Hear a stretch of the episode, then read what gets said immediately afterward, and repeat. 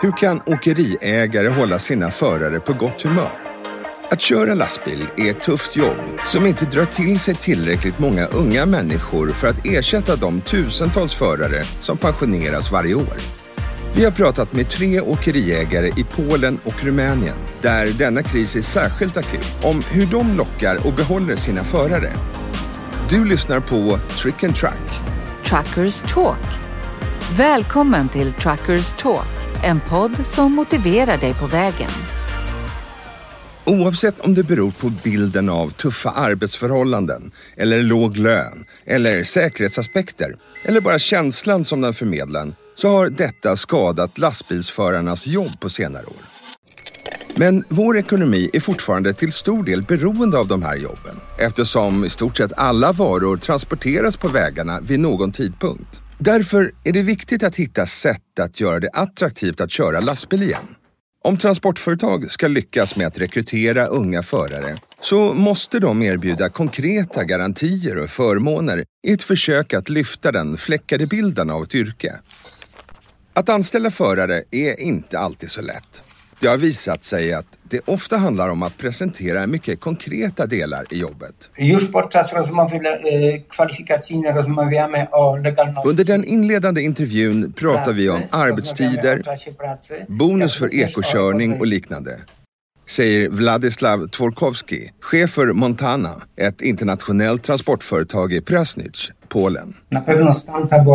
Att få sin lön i tid, lediga helger och att arbeta med en välskött flotta är sånt som nyanställda tycker är viktigt.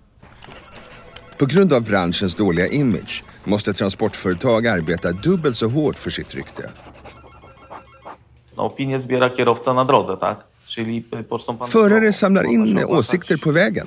Det förs vidare från mun till mun. Du kan marknadsföra dig i branschmedia eller tidningar. Men i realiteten är det förare som lockar andra förare. Förklarar Mikal Jamka, chef på Globetruck i Ostrojenka, också i Polen. Praca Om en förare får veta att jobbet ger en skälig lön och att det är välorganiserat så att han får mer tid hemma, så är det avgörande. Detsamma gäller för att behålla de nuvarande förarna. Det handlar om att erbjuda bästa möjliga arbetsvillkor och att visa upp bästa möjliga image. För närvarande uppskattar både erfarna och yngre kollegor arbetsvillkoren i vårt företag. Förklarar Don Adrian Bejuska, stolt chef på Volanul de Aur, ett rumänskt kyltransportföretag. Programul este flexibil. Șoferul, la nevoie, poate să-și ia zile libere oricând are nevoie. Våra arbetstider är flexibla. Våra förare kan ta lediga dagar när de behöver. Och vi erbjuder bonusar för arbete på lördagar och för att hålla lastbilarna Sunt cazuri în snygga. care se lucrează și sâmbătă, iar șoferii sunt recompensați pentru acest lucru. Han nämner att goda relationer och ömsesidig respekt också är viktiga delar för att kunna behålla förare på längre sikt. Vladislav från Montana-företaget i Polen lägger till att välskötta lastbilar också är viktigt. Förutom arbetstider frågar nya förare främst om skicket på lastbilarna de ska köra. Det är det viktigaste för dem. Sådana argument är särskilt viktiga för att övertala yngre förare att arbeta för företaget. I en värld där många av dem lockas till västeuropeiska företag på grund av högre löner. Każdy młody kierowca, który przychodzi do firmy, wie, że to, co, co no, polski, polski Unga förare tar vad polska transportfirmor kan erbjuda. Men de letar alltid efter bättre villkor, vilket är förståeligt, säger Mikael Jamka från możemy. Vi försöker tyle reagera på situationen så gott vi kan. Men det verkar inte finnas någon lösning just nu. Företagets pålitlighet, att slippa oron som ett bra jobb kan garantera, självkänslan samt välskötta lastbilar bidrar till att förarna stannar längre, noterar Don Adrian Bajuska.